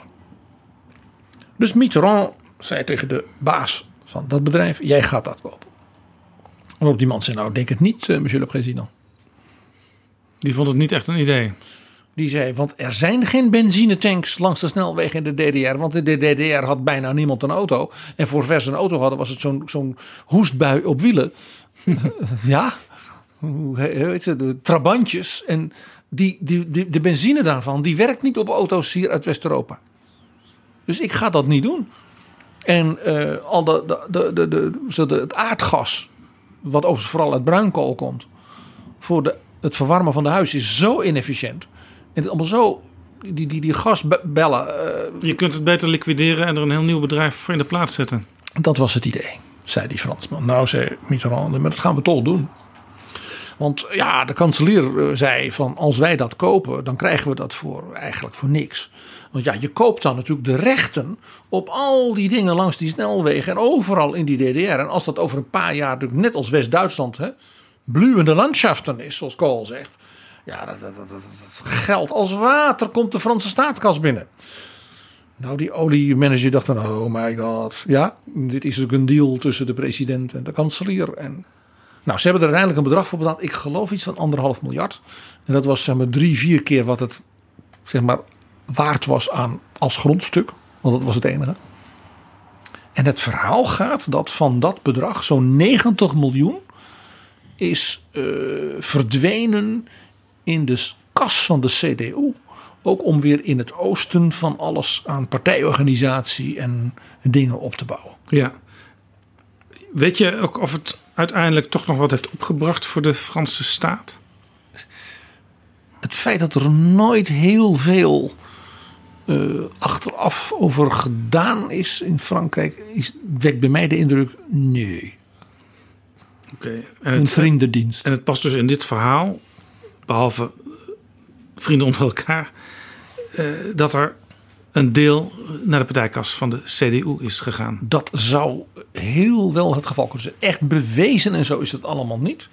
Het, is, het heeft dus ook in, die, in dat uh, partijspendenschandaal, zoals dat zo mooi heette, van Kool in 1999 geen rol gespeeld. Al werd het wel voortdurend natuurlijk even aangestipt. Zo ging er ook en gaat er ook nog het verhaal dat. Maar het is nooit echt hard gemaakt. Nee. Wat het over Mitterrand in Parijs gebeuren wel vaker dingen met financiering rondom partijen, politici. Uh, ja. Uh, kijk, de Franse president is natuurlijk toch een gekozen monarch. En dat betekent het feit alleen van staatsbedrijven en alles. Dat is misschien nu ietsje minder hoor, maar het is nog altijd heel fors. maar bijvoorbeeld ook de burgemeester van Parijs. eh, Jacques Chirac, later president. eh, die bleek eh, te beschikken als burgemeester over een enorme hoeveelheid vastgoed. Waaronder dus hele luxe appartementen en herenhuizen en halve paleizen en dergelijke. En daar ging de burgemeester over. Dus die werden dan eh, verhuurd aan vrienden, aan supporters, aan kennissen, aan dames waar hij graag op bezoek kwam. Voor bedragen, zeg maar ver onder de sociale woningbouw. Echt een ongelooflijk verhaal als je dat met Nederland vergelijkt. Hè, waar een burgemeester soms veel moeite heeft om überhaupt een woning te krijgen in eh, de gemeente waar die burgemeester is geworden. Eh, waar je als je bijvoorbeeld uh, ambtswoning aan de Herengracht in Amsterdam bewoont...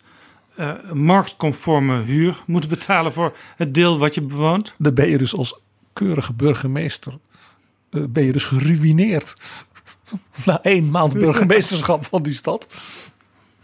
Ja, je moet eigenlijk al, al van, van, uit jezelf rijk zijn om je überhaupt te kunnen veroorloven ja. daar functioneel te kunnen wonen. Ja, dat is Frankrijk. Dat is nog een, ja, een piramidaal georganiseerd land, zullen we maar zeggen. Uh, dit is dan het voorbeeld van de burgemeester. En Chirac had dus een, een, een, een rits ja. aan panden, appartementen. Die hij, waar hij over kon beschikken als burgemeester. En uh, wat hij ook kon doen, was dat hij dus allemaal ambtenaren benoemde. Dus er waren allemaal mensen die kregen dus banen bij de stad Parijs. En kregen dan een ambtswoning. En dat waren dus uh, ja, politieke vrienden van hem, die dus weer belangrijkste taak was het voorbereiden van de presidentsverkiezingscampagne van Jacques Chirac. Ja, dat is echt een ander land dan dit. Nou, uh, president Giscard d'Estaing, het beroemde verhaal natuurlijk, de, de diamanten die hij kreeg van Bokassa, de dictator van de Centraal-Afrikaanse Republiek. En uh, ja, daar werd dus heel veel diamanten. Uh, Bokassa, de naam zegt het al, Kassa. Ja, Kassa, Bokassa, ja. En, uh, ja, en die, die diamanten die zouden die dan niet hebben gemeld bij de douane. En, en ja, die, daar kon je dan natuurlijk toch, zou je een keer op zwart zaad zitten, kon je daar wel wat geld voor krijgen. Kortom, nou, het was Nicolas Sarkozy is, is zelfs voor de rechter gesleept onder zijn uh, opvolger François Hollande. Omdat er een hele rijke Franse dame uit de, de parfum- en couturewereld uh, enorme bedragen aan hem had geschonken voor zijn verkiezingscampagne. En die mevrouw die overleed tijdig. Zodat er ja, allemaal een beetje moeilijk meer te bewijzen was. Ja, maar het was dus ook blijkbaar... Er waren altijd veel geruchten en in de top van de politiek werd daar ook niet altijd moeilijk over gedaan als daar iets uit dreigde te lekken. Nee, want als de ene partij onder vuur lag, dan dacht de andere partij wij volgende week. Ja, wij kennen dit niet. Dus dat liever over zwijgen. Ja, die, laat zeggen, dit heeft te maken met wat ik dus noem dat wat monarchale, uh, wat de Franse politiek wel een beetje heeft. Nou ja, uh, we hebben natuurlijk een mooi voorbeeld uit Europa. Dat is natuurlijk de partij van Marine Le Pen en de partij van uh, meneer Salvini ja, in de, Italië. Zeg maar de radicale rechtse populistische partijen.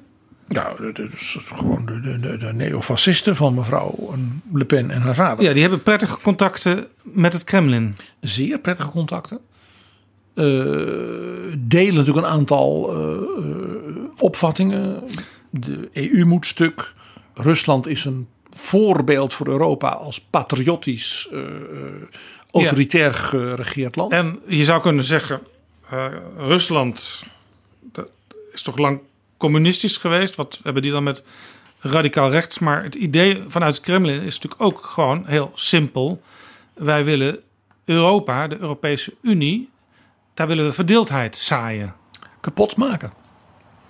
Zodat de greep van het Kremlin op de buren in Oost-Europa, dus het oude Warschau-pact, weer sterker wordt. Want hè, hoe minder Brussel en hoe minder NATO, hoe meer het Kremlin. Ja. In de Baltische landen, in en Hongarije, volgens mij ook heel... in Roemenië, in Bulgarije weer de grote buur is.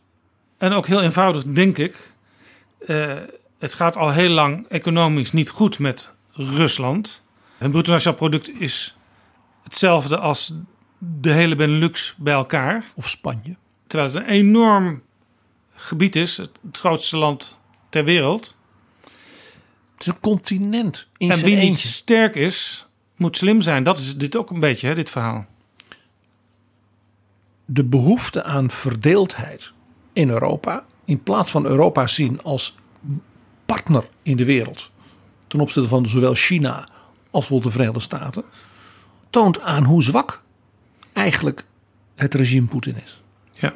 En ook hoe bang het is, en Appelbaum heeft er al een keer uitgebreid bij ons over verteld, hoe bang Poetin is dat jonge mensen als in Oekraïne, als in Georgië, als in de Baltische landen zien dat Europa voor hen perspectief, toekomst en eh, mag ik het zeggen, culturele bloei betekent.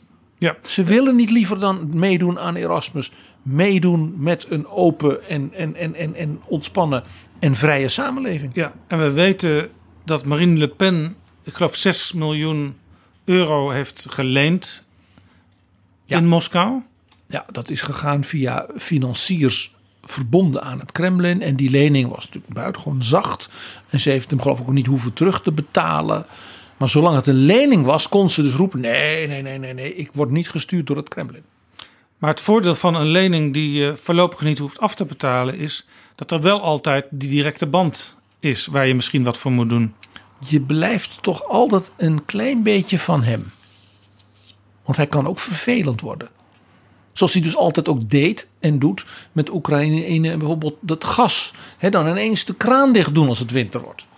Of de prijs vervijfvoudigen. Ja. Dat soort trucjes. Hoe zit het eigenlijk met Silvio Berlusconi? Want die heeft ook eh, vriendschappelijke banden met Poetin. Eh, zeker, zeker, zeker. Eh, Salvini heeft dus ook van Berlusconi geleerd. In de tijd dat zij nog een soort alliantie hadden. eh, hoe je dus met Poetin opereert. Ja, want Berlusconi had dus ook met zijn Forza Italia een, een combine een aantal verkiezingen lang met de Lega. Lega Nord heette dit toen nog. Ja. Eh, en op een gegeven moment heeft Salvini zo goed gezien hoe Berlusconi het deed, dat hij Berlusconi en zijn partij kon overvleugelen. En dus kopiëren de succesvolle eh, manier waarop Berlusconi met Poetin omging. Eh, Ber- het is een geweldig verhaal. Berlusconi is zo persoonlijk bevriend met Poetin. Daar staat hij dus ook zeer op voor. Dus elke keer als Poetin in Italië is, in Rome. Dan zijn er altijd van die prachtige momenten. Dan rijdt dus Berlusconi of naar de Russische ambassade. Of nog eervoller, Poetin rijdt naar Berlusconi zijn, zijn, appartement of zijn kantoor. Ja, Berlusconi is natuurlijk ouder dan hij. En dan eh, worden ze natuurlijk spontaan gefilmd. Dan is toevallig een camerateam van Berlusconi's tv-station in de buurt. En dan omhelzen ze elkaar. En dan gaan ze samen eh, even een glaasje drinken. Maar dat duurt dan twee uur, want het gesprek is zo interessant. Dat is een, echt een, nou, een bromance die dan helemaal wordt gespeeld. Met als hoogtepunt vind ik persoonlijk de 65e verjaardag van Vladimir Poetin. Eregast Silvio Berlusconi, zijn grote vriend. En Berlusconi had een cadeau. Maar wat geef je nou een man als Poetin die alles al heeft? Balkenende, Jan-Peter Balkenende, toen die premier was en bij Berlusconi op bezoek, kreeg hij een horloge. Ja, maar dat was nog collega's binnen de EU en binnen de EVP. Nee, dit was de privévriend Poetin. Wat geef je zo iemand nou? Iets leuks. Liefde. Ja, liefde. Nou, dat heeft Berlusconi gedaan. Hij heeft hem een dekbedovertrek gegeven met daarop zijn eigen portret. Geweldig. Wat heeft Salvini geleerd van Berlusconi? Berlusconi krijgt uiteraard geen geld van Poetin. Het is zo plat. Je bent vrienden. Maar ze doen zaken. Berlusconi is een zakenman. En Poetin heeft dus oligarchen, heeft bedrijven die naar hem luisteren. En dus zijn vriend Silvio in vertrouwen nemen en weten dat is een zeer betrouwbare zakenman. Daar kun je voortreffelijk mee werken. Dan hoef je ook geen ingewikkelde financiële garanties. Dat loopt gewoon helemaal perfect. Dus Berlusconi doet zaken met Rusland. En houdt daar geld aan over. En Salvini heeft dus ook zaken gedaan met Rusland.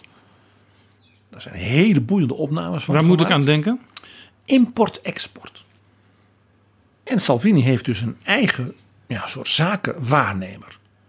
Die dus voor hem en zijn partij dus met Rusland deals sluit. En dan blijft er zoveel procent over voor de partijkas. En voor Poetin is dat heel voordelig, want Poetin heeft daarmee weer extra invloed in Italië. En zijn handen zijn schoon. In Nederland, als een politicus, een kandidaat rechtstreeks geld krijgt, dan wordt dat vaak ja, toch met argusogen bekeken, ook binnen die partij zelf. Absoluut. Ik herinner me Anton van Schijndel. Hij zit nu in de gemeenteraad van Amsterdam. Hij is gekozen op de lijst van Vorm voor Democratie. Maar hij is met ruzie alweer weg. Ja, hij heeft, en hij heeft eerder, en dan had, kreeg hij ook ruzie voor de VVD in de Tweede Kamer gezeten. En ik herinner me dat hij daar campagne voerde voor dat hij in de Kamer kwam voor de VVD. Met grote billboards langs de snelwegen. En ja, bij de VVD hadden ze het, nou ja, oké, fijn dat hij dat zelf organiseert. Maar dat vonden ze toch een beetje lastig. En ik weet ook dat bijvoorbeeld in D66 heb ik eens gezien hoe ze dat met hun kandidaten regelen. Uh, daar is eigenlijk helemaal niet de bedoeling dat een kandidaat zelf investeert in zijn eigen campagne. Want ja, dat doet de partij en ja, die lijst is er. Die lijst moet ook een beetje, die volgorde moet ook een beetje gerespecteerd worden. Dus als je dan zelf ineens met 10.000 euro of zo gaat investeren, dan verstoor je misschien wel die hele volgorde. Wat daar sociaal-liberaal in is, dat is een wonder. Dit is, dit is, ik moet ineens denken aan het, aan het lied van de partij in de DDR. Die partij, die partij, die partij, die partij had immer recht. Wie had dat gedacht van Rob Jetten? Maar het geeft PG in ieder geval aan dat er koudwatervrees is als het om geld gaat in Nederland. eh, Wat niet via de officiële wegen loopt. Uh, herinner je nog hoe de VVD-politicus Jos van Rij bleek campagnes te financieren via geldclubs van hem, ook weer vastgoed, van individuele Kamerleden van de VVD in zijn kiesdistrict Limburg. Ja, hij had vriendjes die onder andere een grote zuil uh, in de buurt van Roermond langs de snelweg uh, beheerden. Het is heel duur om daar te adverteren. Uh, maar die vriendjes die boden het gratis aan als Jos van Rij er toestemming voor gaf. dit vinden wij in Nederland dus wel een beetje. Hè? Het gaat om bedragen waar natuurlijk Jacques Chirac of Helmut Kohl, laat staan Poetin en Salvini, natuurlijk alleen maar meewarig om glimlachen.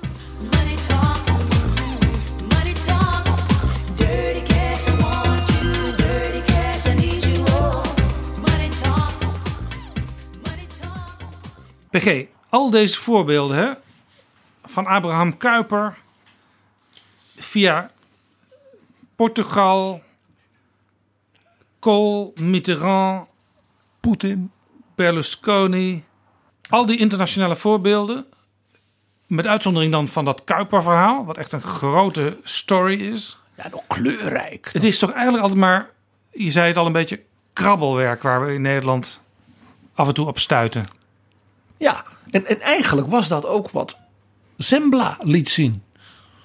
Thierry Baudet, die zich bij elke keer als hij weer platzak was, en dat was hij min of meer permanent, zei nou misschien dat Kornilov wat extra geld heeft. Ja, is dus die, die, dus, dus die, die, dat, die verlengde arm van het Kremlin. En natuurlijk was dat een grapje, tuurlijk. Heel ironisch. Ja. Maar zelfs als het waar zou zijn, is dan het, is het een beetje zielig. ging het blijkbaar toch altijd maar om kleine bedragen. Een beetje zielig. Tenzij. Ja, tenzij. Onthoud Salvini. Die het weer had geleerd van Silvio. Ja. En Salvini zit ook een beetje in die hoek van de partijen van Baudet en Wilders in Europa. Die ontmoeten elkaar. Een beetje. Thierry Baudet was bij Salvini in Rome in de periode dat hij vervolgens achteraf riep dat hij vond dat het kabinet iets, een, een kamerdebat of iets dergelijks moest organiseren over corona. Ja, helemaal in het begin toen het. In januari. Toen het net een beetje duidelijk begon te worden van er is iets aan de hand wereldwijd. Toen was er een overleg van de Kamer met alles. En toen was de heer Bardet in Rome. Op een conferentie van de club van Salvini. Dus Salvini is blijkbaar iemand waar je wat van leert. Ik heb ter voorbereiding op dit gesprek even gekeken in het jaarverslag van verschillende politieke partijen. FVD zit daar ook bij. En daar staan op een gegeven moment wat uh, duidingen van schenkingen aan de partij. Dat waren er niet veel bij het Forum voor Democratie. Maar twee vielen mij op. Er was er eentje uit Cyprus en eentje uit Malta. En dat zijn landen die mij te binnen schieten als landen waar wel eens bepaalde financiële operaties plaatsvinden, die dan elders in Europa weer repercussies hebben. Dus dat viel me op. Nou, twee dingen zijn in ieder interessant uh, van die beide eilanden. Is dat je daar. Allebei lid van de Europese Unie? Allebei lid van de EU. En allebei allerminst van plan de EU te vernietigen. Om de heer Baudet te citeren. Want wat op die twee eilanden in elk geval gebeurt, waar bijvoorbeeld Pieter Omtzigt in de Raad van Europa en ook in Brussel uh, heel scherp op is geworden, is dat je daar tegen een flink bedrag het uh, staatsburgerschap kunt krijgen en daarmee dus een voor de hele EU geldig paspoort. En dat is voor bepaalde, bijvoorbeeld Russische oligarchen, die onder de sanctielijst van de Magnitsky-wet en dergelijke vallen en de, Krim, de Krim-bezetting sancties, natuurlijk zeer aantrekkelijk. Cyprus, dat roept bij mij nog een herinnering wakker. Voor het forum staat er iemand op de lijst voor de Eerste Kamerverkiezingen. En dat is een zakenman. Nou kan dat.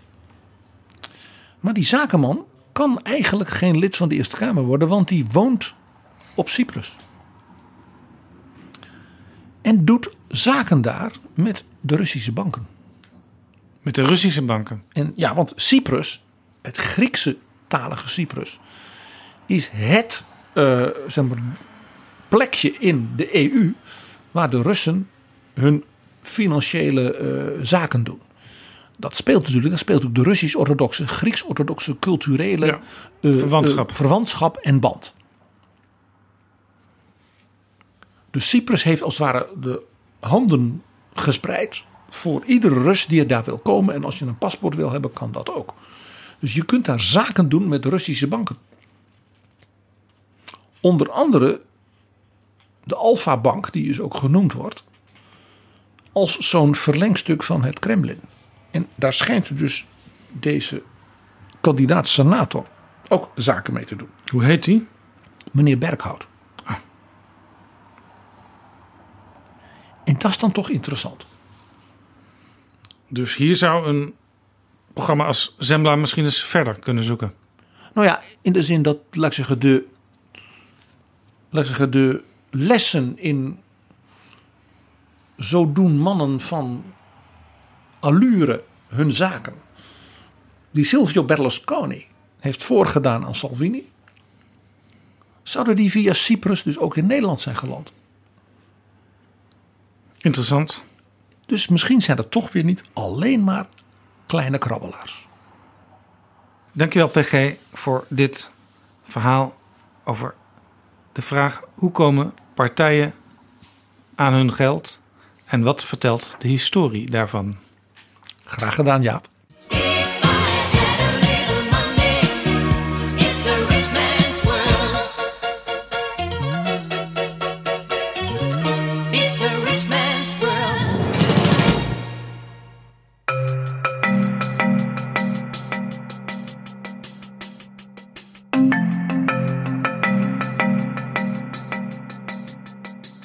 Zo, dit was Betrouwbare Bronnen aflevering 103.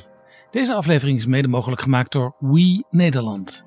Overweeg je Betrouwbare Bronnen te sponsoren of in deze podcast te adverteren?